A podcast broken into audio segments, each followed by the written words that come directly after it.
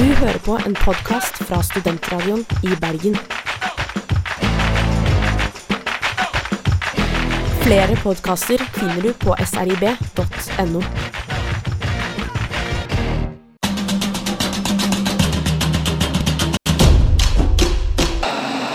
Heia Brann, heia Brann.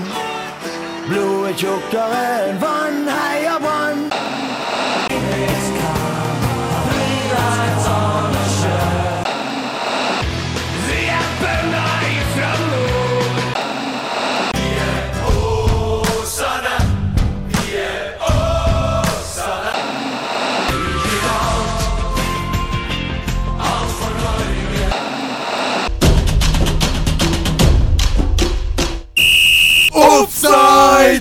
Hjertelig velkommen til en ny utgave av Offside her på Studentradioen i Bergen. Vi har lagt bak oss en ny fotballuke hvor det har skjedd mye.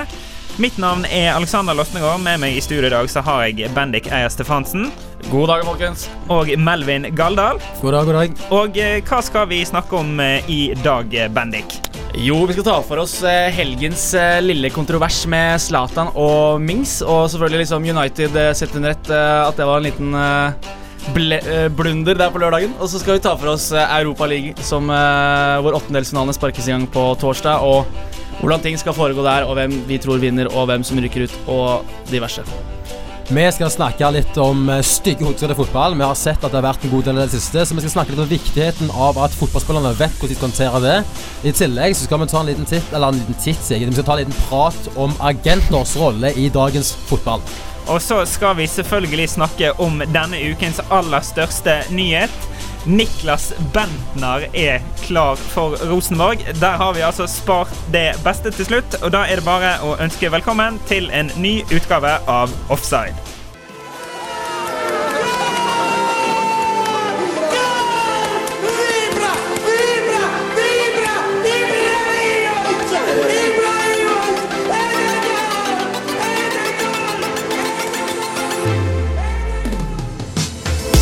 Shot that was started in the street. Zlatan Ibrahimovic. Offside.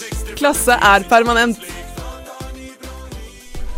Joshua King sørget for at Bournemouth fikk med seg ett poeng hjem fra Old Trafford i helgen, men det som var en god Bournemouth-forestilling, det ble dessverre overskygget av eh, ufine inngrepene fra både Bournemouth-spillere og en United-spiller.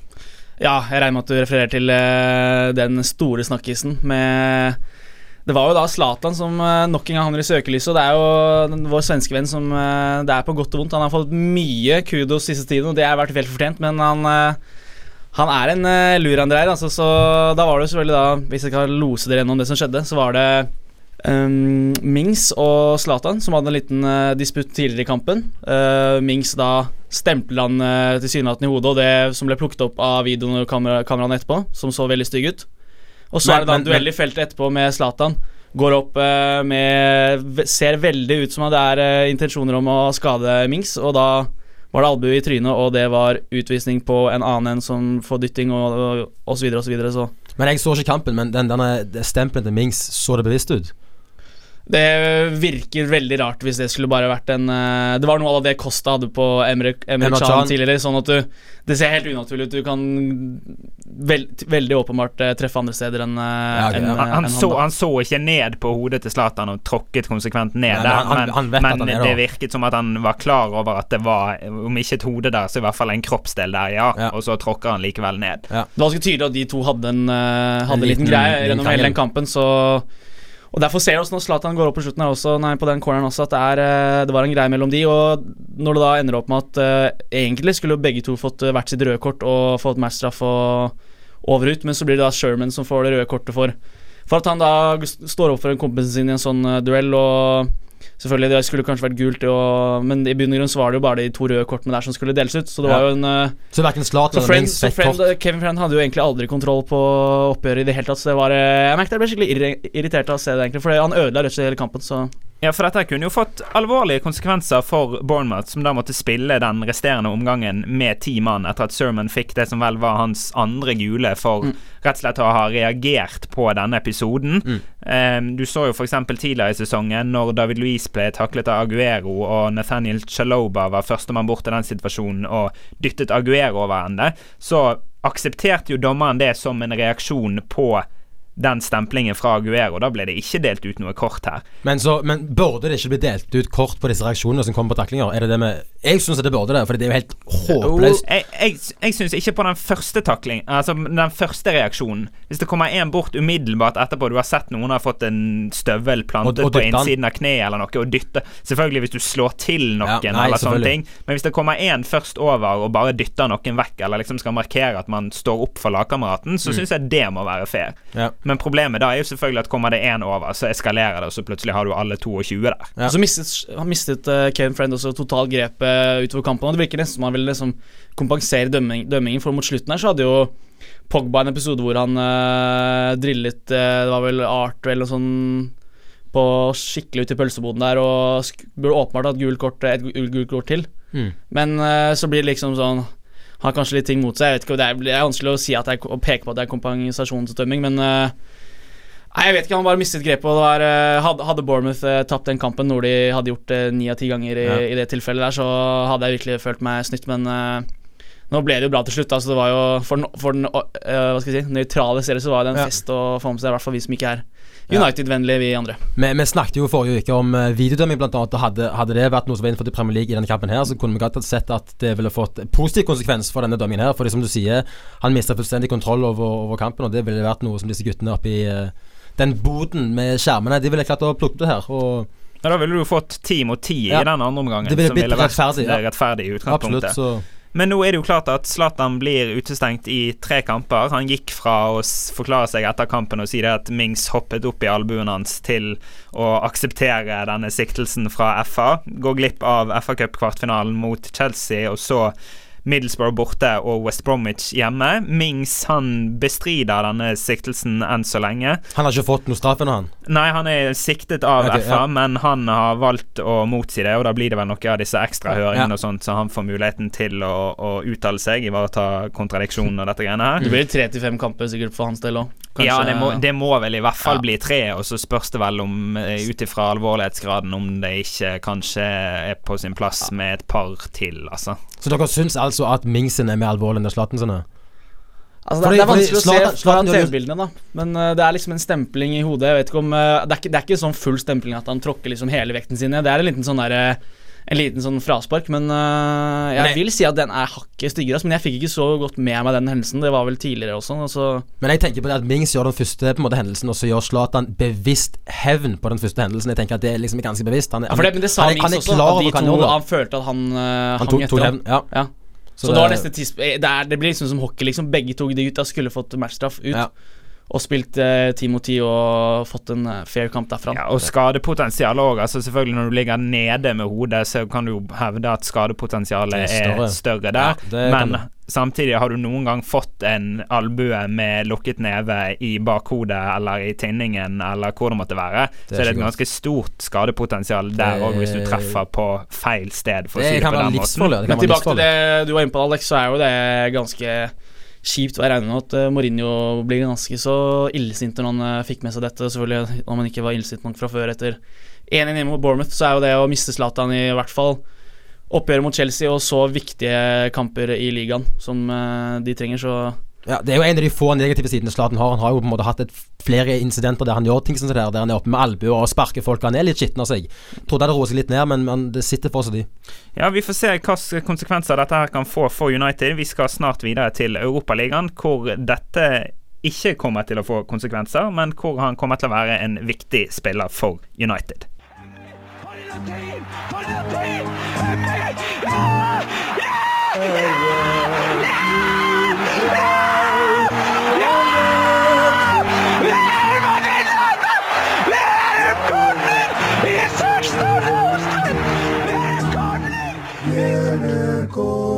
Offside. Fotball er lidenskap. Vi skal fortsette litt med Manchester United fremdeles. Zlatan Ibrahimovic blir altså utestengt i de engelske turneringene fremover. Men han kan være med når United på torsdag, altså i dag rett og slett, møter Rostov i den første åttendelsfinalen i Europaligaen. Nå er det vel United som peker seg ut som den klart største favoritten i hele turneringen etter hvert, Bendik. Ja, det jo, har blitt noe som Tottenham gikk på en skrell der, og det er andre store kanoner fra Champions League-gruppespillet som virkelig har uh, klart å melde seg på der, så det er jo en uh, gyllen mulighet for uh, Mourinho, som jeg tror han har veldig lyst til å ta i, i forhold til den Champions League-billetten som, som, ligger i bånn der. Men jeg vet ikke om han er helt sånn lykkelig med den trekningen, selv om Rostov er jo et Selvfølgelig antatt dårligere lag, men den reiseveien er ganske tung for et United-lag som har bøttevis med kamper, og de har mange i sekken allerede, så Akkurat den trekningen tror jeg han kan være helt uh, overbevist om, men han, ja, jeg, kommer de over det hinderet der, så tror jeg det er uh, ganske strak av veien. Altså. Ja, det er tøffere du tror det å reise til Russland. De er defensive og konstruktive lag. Det er utrolig tøft å reise, eller møte, og så er det en lang og tung reise, så han må finne seg i å være soleklar favoritt, men jeg, jeg, vet ikke om oddsen reflekterer sannheten når det kommer til, til hvor, hvor, eh, store favoritter de egentlig er i Europaligaen. Men var det nå kanskje en litt sånn blessing in disguise, egentlig, at Zlatan nå går glipp av den FA Cup-kvartfinalen mot Chelsea, så Mourinho på en måte har klaget på at Chelsea her ville få en svær fordel fordi United må på denne lange bortereisen i forveien. Ja. Nå kan han jo bruke Zlatan i Russland, hvile noen andre, og ja. så sette inn friske bein mot Chelsea på mandagen igjen. Absolutt, det kan du si. Det er en fordel. Absolutt. Og nå er jeg bare inn på Nå skal ikke jeg være helt sånn Drillo her, men uh, Rostov er faktisk ganske langt inn i Russland, så den reiseveien er uh, lang og tung, og så lenge beina overlever uh, for de gutta der, så så skal nok det gå. Men uh, tilbake til det Zlatan-greiene og United-kampprogrammet, så leser jeg de faktisk kan ende opp med å få kamp torsdag, Også. lørdag, mandag nesten. Fordi det er, vel, det er, vel, en regel om at det er 48 timer eller noe hver, men de må faktisk klare den for at det skal gå seg til. da Men de, For de har noen hengekamper. Uh, ja, de har vel mot City, blant annet, som ble ja. utsatt nå. Og de men, har jo fulgt over Premier League òg, Men tilbake til det Europaligaen, da. Så har vi jo et par andre, hvis vi skal nevne honorable mentions av de andre, så har vi jo da Celta Vigo. Roma. Roma er vel eh, min uh, store favoritt, tror jeg. Jeg tror det er en, uh, en dark horse i, ja. i der. Og så har du Celta Vigo og Lyon, men det er også litt inn, inn, inn, hva skal jeg si, innbyrdes oppgjør der også. Ja, Roma imponerte jo veldig mot uh, Villarreal nå i 16-delsfinalen. Det er særlig på bortebane, så ja, Sjeko var jo i storform, blant ja. annet. Sånn at det er jo selvfølgelig kandidater, andre kandidater enn United til å vinne her. Men det som kanskje gjør det litt ekstra interessant å snakke om United i denne sammenhengen, det er jo det. Det var jo enkelte nå som var litt dramatiske og sa at dette, denne utestengelsen av Zlatan potensielt kunne avgjøre hele sesongen for United. Men eh, en måte som det kan virke inn på sesongen, og som vi har vært inne på tidligere her i offside, er jo at hvis United til syvende og sist ser her at sjansene for å ta den fjerdeplassen i Premier League Jeg tror det er Chelsea, City og Tottenham som tar de tre øverste. Mm. Så hvis vi da sier at det er Liverpool, Arsenal og United som konkurrerer om den siste Hvis United da ser at sjansene der er i ferd med å glippe, så er det jo da vil det jo da være et klokt valg, vil mange si, å gå all in på Europaligaen nå når Europaligaen seier der gir billett til Champions League. Og selv om sesongen da blir på en måte en slags skuffelse, i forhold til at de, hadde, de fleste hadde kanskje trodd at United skulle vinne ligaen og være helt uh, overalt der. Men hvis de da ender opp med å vinne Europaligaen og ligacupen, så er jo det sett under ett uh, kanskje den beste sesongen de har hatt på flere år, da, med litt tørke med Moyes og Fangal og det opplegget der. Så og Mourinho er jo en bøttehenter, så det skulle ikke overraske meg om han kunne, skulle klart det. Altså. altså Det er jo utvilsomt mye lettere å vinne Europaligaen, mener jeg, med, det, altså med de lagene som er igjen i Europaligaen, enn det å ta fjerdeplassen fra Liverpool og Arsenal. Um, det blir litt det samme som når Liverpool møtte Borussia Dortmund i Europaligafinalen. Det var liksom det ene store laget i Europaligaen som skulle vinne. Um, så har du på en måte et lag i, i Roma som kan gjøre litt sånn som det Borussia Dortmund gjorde, og overraske og ta, ta seieren fra dem. Men uh, det blir spennende. Det gjør det. For å korrigere deg på det, så var det jo De møtte jo Sevilla i finalen. Og bare det at Sevilla stemmer, ikke stemmer, spiller i den turneringa lenger, gjør det lettere for andre. Så sånn sett så burde jo kanskje Celta Vigo være en slags favoritt der, fordi den eh, Men jeg holder en knapp på de to tyske lagene òg, jeg. Fordi de, de, har gjort det dårlig i Bundesliga, men de er bedre enn det det ligger an til. Så det, det, kan være to overraskelseslag. Nå møter jo strengt tatt de hverandre i, i åttendelsfinalen, mm. så det blir bare ett av lagene de som går videre. Men uh, jeg har en knapp i Det er vel det samme med, med Roma og Lyon også. Ja. Men det, jo, men det, er jo, litt dette her med at så lenge disse lagene Altså ett av disse lagene kommer jo til en finale. Og så lenge disse lagene kommer til en finale, hvis vi sier det, så er det jo da kan det jo være, fint være nok å ha disse enkeltspillerne som kan avgjøre. Lyon har Depay, de har Lacassette, ja. Roma har Sjeko på topp.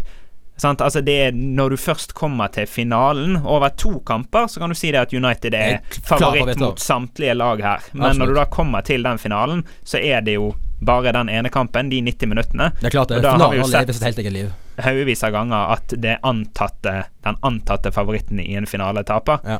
Sånn at det vil jo være en risky strategi for United eventuelt å gå all in I Europa på Europaligaen òg. Jeg tror ikke også Ja, det blir, utrolig vanskelig Det blir utrolig spennende å se hvordan Mourinho vil komponere laget med Om man kjører fullt mannskap borte i Russland sånn, eller om man bare kan fort kjøre en sånn klassisk bare parkere litt buss og få en eh, kanskje en 1-0-tap, eller hva skal jeg si. Bare Men jeg, jeg tror at, at Rostov i Russland er kanskje det verste laget for å møte. Fordi ser du ligaen, så de de har ikke skåret så veldig mange mål. De slipper inn lite mål, men det kan være litt sånn som Norge. De, de er gode mot de beste lagene, men mot Rostov, der de skal bryte ned den muren, så tror jeg de kan slite med, med å få et mål, faktisk. Hvis vi skal se på Ståle Solbakken, da, vår norske venn, så møter de Ajax. Har dere gjort dere opp noen tanker der? For det er jo spennende. Vi må følge ekstra kamp. med der, Ja, da. Fordi det, er jo, en god del danskere i, i Ajax, hvis jeg ikke har tatt helt feil. Og så har Solbakken har vel fått København tilbake på det nivået de var for et par år siden. Så de, jeg tror det kan bli et kult oppgjør. Altså, Veldig spennende. nå har jo sikkert Solbakken uh, hva skal jeg si, ditchet den norske landslagsjobben for å holde på med det eventyret her. Og som du sier, Dol Dolberg og han det supertalentet i Ajax. Og Ja. Jeg tror det kan bli skikkelig fyrverkeri. Og hvis de går videre til kvartfinale, så hadde det vært en uh, sensasjon. Absolutt. Danmark og Nederland de har en eh, litt spesiell eh, fotballforbindelse, så det kan være et eh, veldig kult oppgjør å følge med på når åttendelsfinalene i Europaligaen sparkes i gang.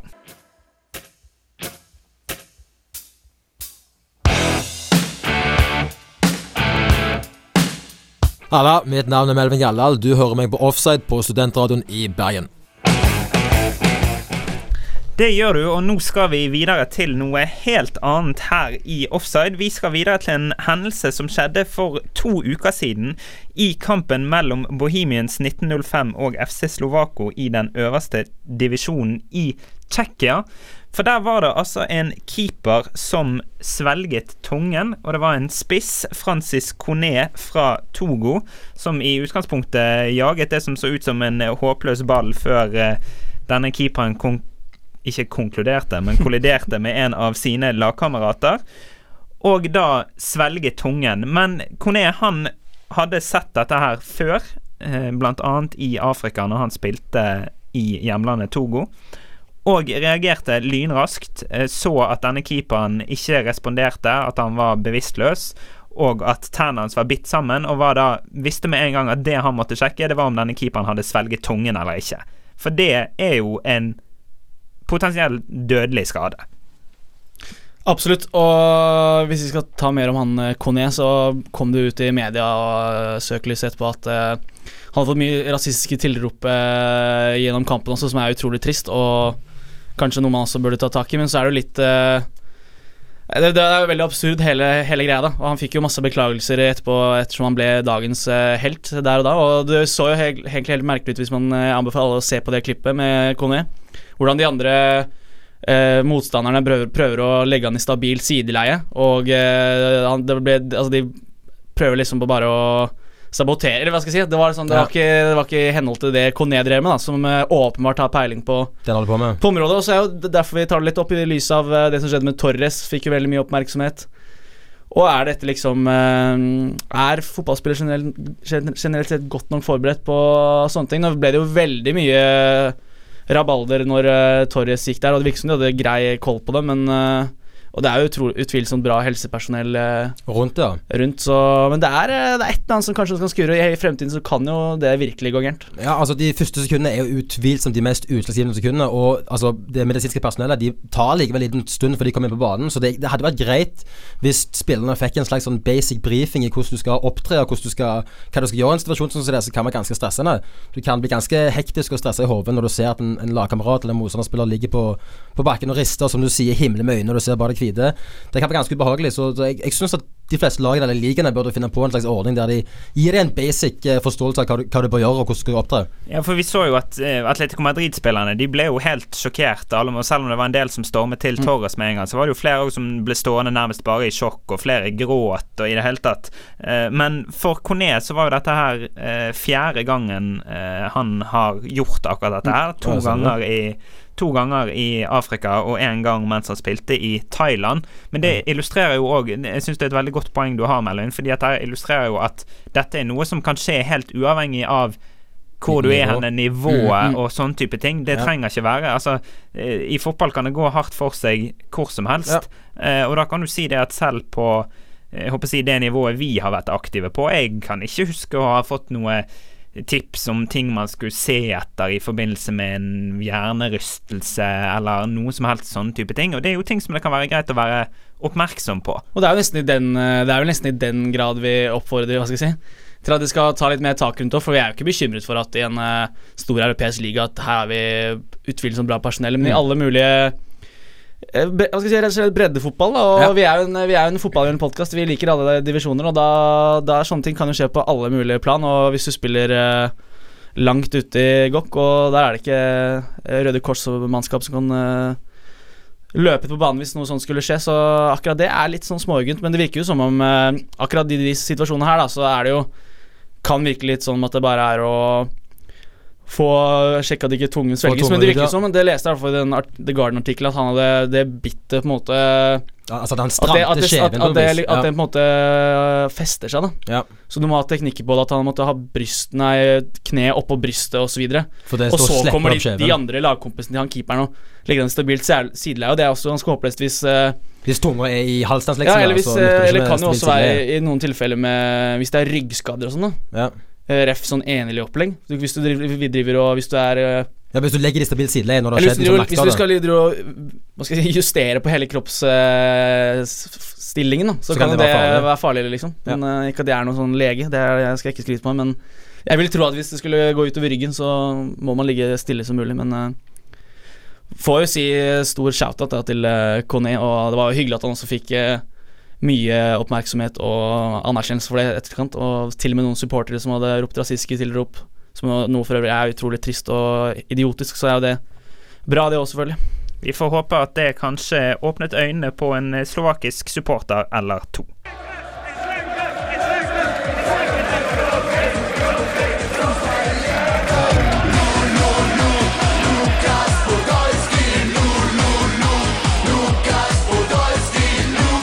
Offside. Vi setter pris på legender. Det gjør vi.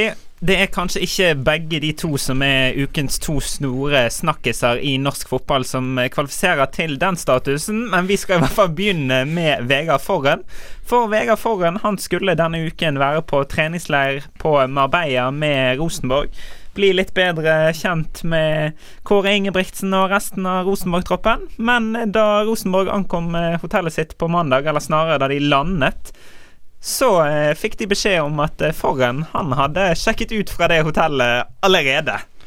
Ja, det hadde han. Han, han er en liten nomade, uten at han egentlig helt kommer seg helt til rette noe som helst sted for tiden, føler jeg. Det var jo 1860 München en periode der det var snakk om. Eh, ikke noe enighet der. Eh, det berømte 30-årsplanen han, planen hans eh, gikk i vasken om at han skulle få en klubb før han ble 30. Det så heller ikke. Og så har det vært snakk om at han skulle til Brighton, og det er vel fortsatt snakk om at, han, øh, at de har en liten forsvarskrise der nå, så han skal inn og fylle fylle rommet der, og det er jo vanskelig å si eh, utenom det, men det er jo det hele den der free agent-sagaen med agenter og hvordan hele det foregår, er jo egentlig helt utrolig å være vitne til.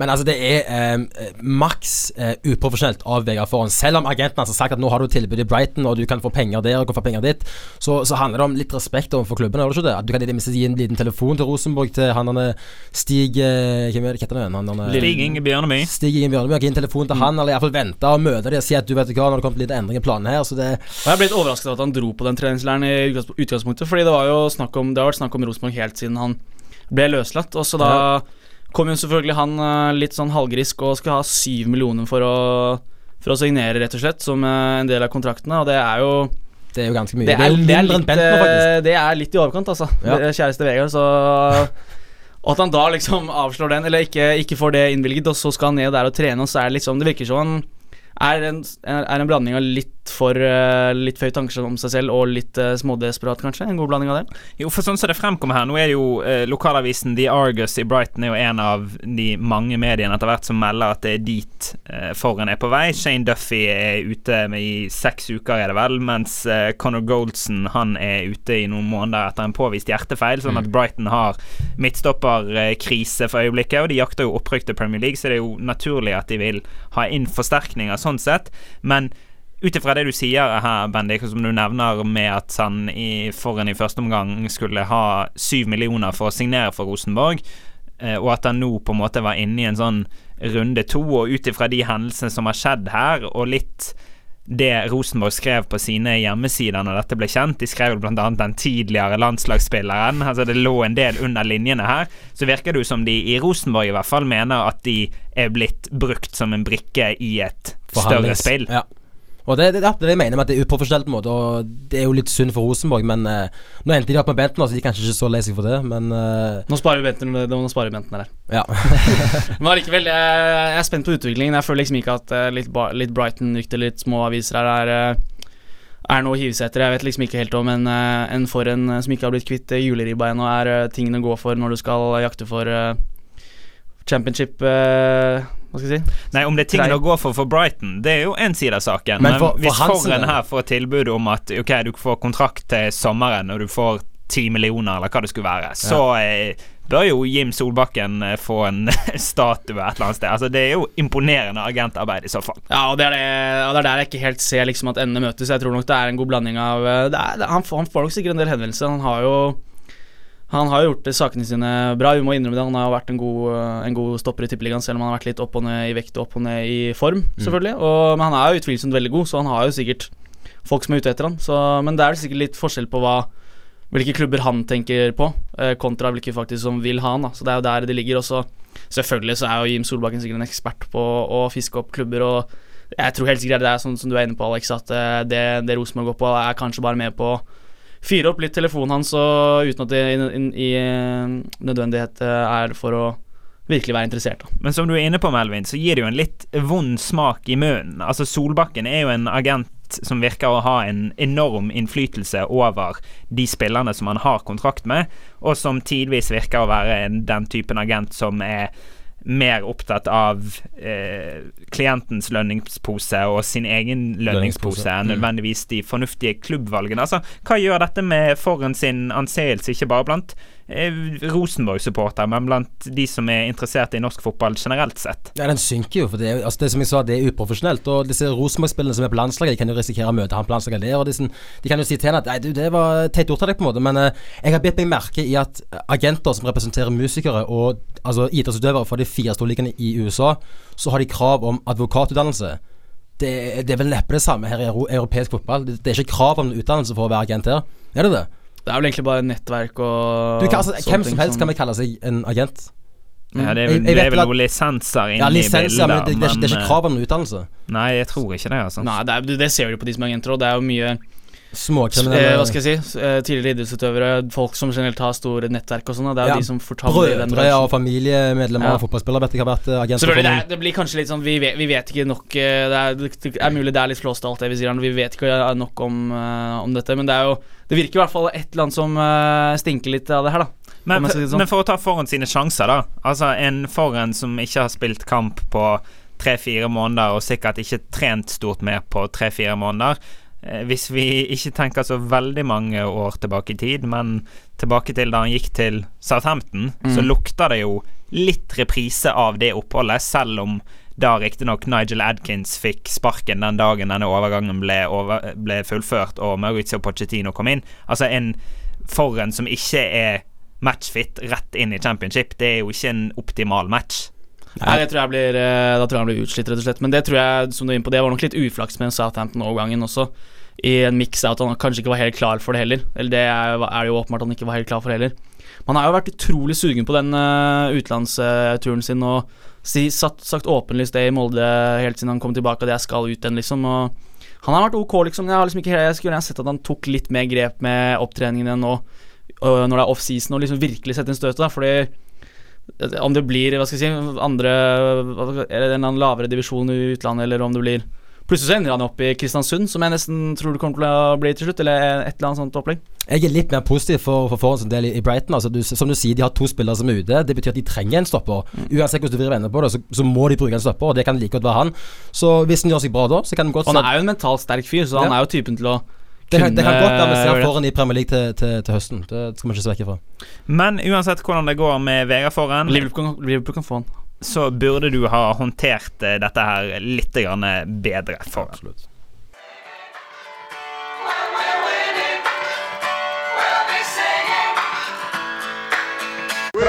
We got Payet, Dimitri fired. I just don't think you understand. He's super Slavens man, he's better than Zidane. We got Dimitri Payet. Offside. Torsdager fra 12 til 1 på Studentradioen i Bergen.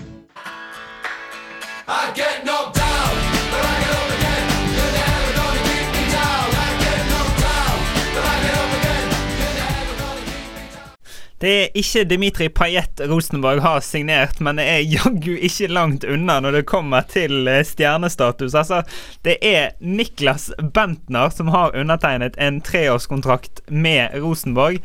Og eh, altså, gutter, jeg, min egen reaksjon Jeg eh, måtte refreshe her, feeden her for å se om jeg faktisk hadde lest dette her riktig.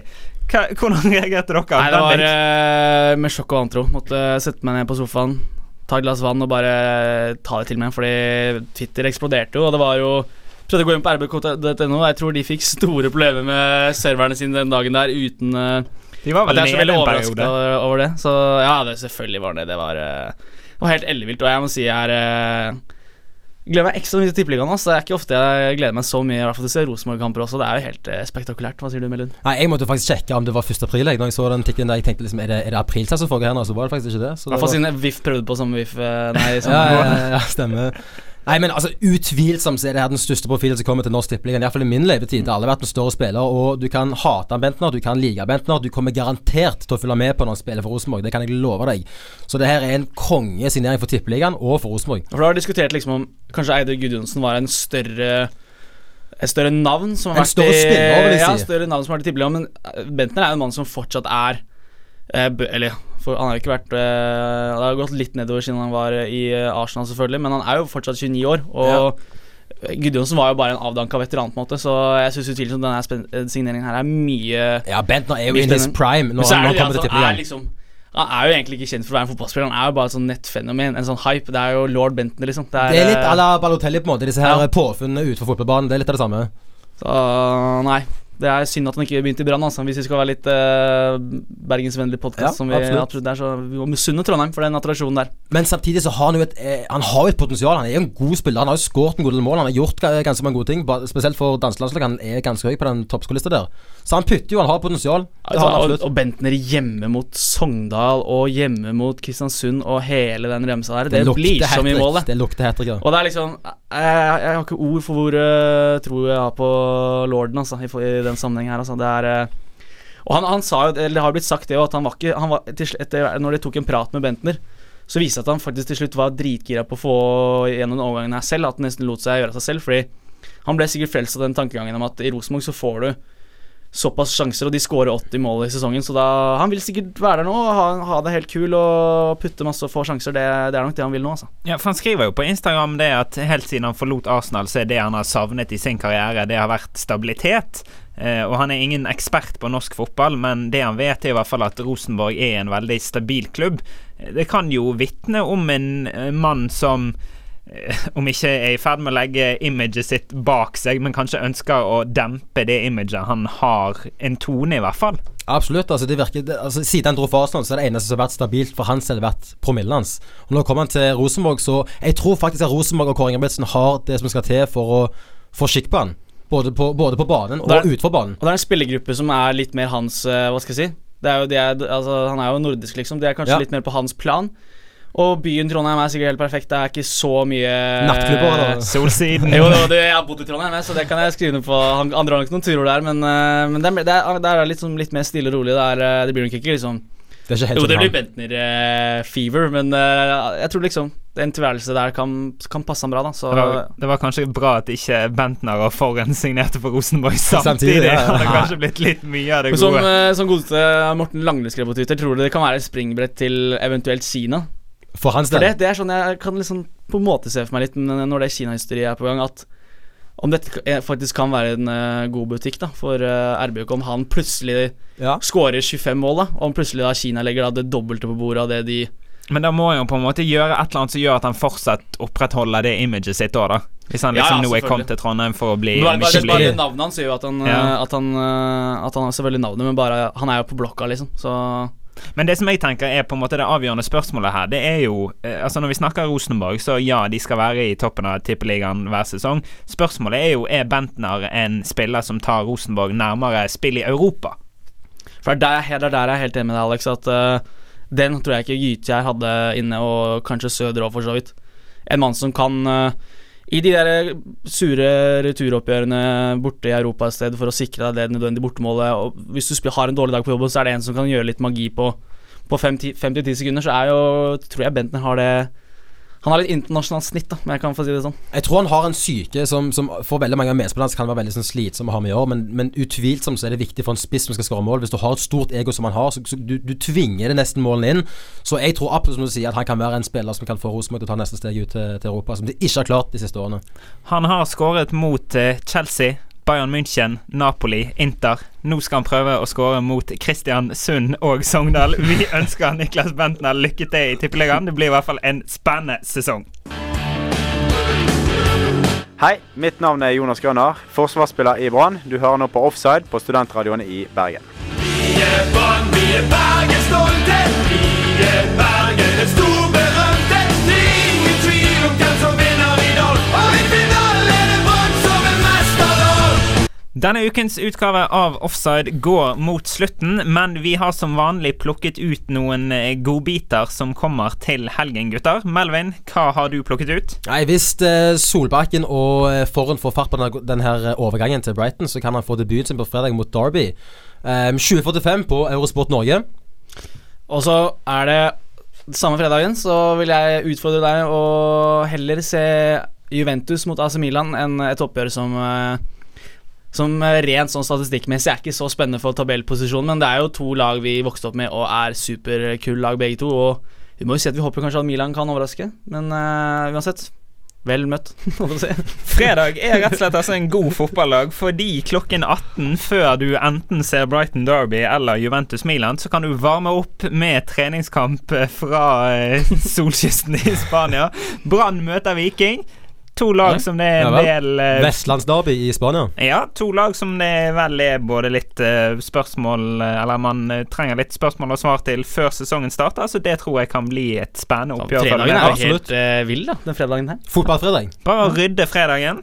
Da anbefales kjøre den, og så kan du kjøre to skjermer på Du kan kjøre på PC og På TV. Ja. Null problem. De fotballinteresserte løser alt. Enkelt og greit. Vi er selvfølgelig tilbake til samme tid neste uke. Du finner podkast på srib.no offside og på iTunes. Du må selvfølgelig òg følge oss i alle våre flotte sosiale medier. Er både, nå er vi på Soundcloud til og med, og på Facebook og på Instagram og på Twitter og på det som ellers er. Vi må selvfølgelig takke vår produsent Daniel Gangeskar. Mitt navn er Alexander Losnegård. Tusen takk til deg, Melvin. Takk, takk. Og takk til deg, Bendik. Tusen hjertelig takk. Bra gjennomført, boys. Offside hører du igjen til samme tid neste uke. Du hører på en podkast fra Studentradioen i Bergen. Flere podkaster finner du på srib.no.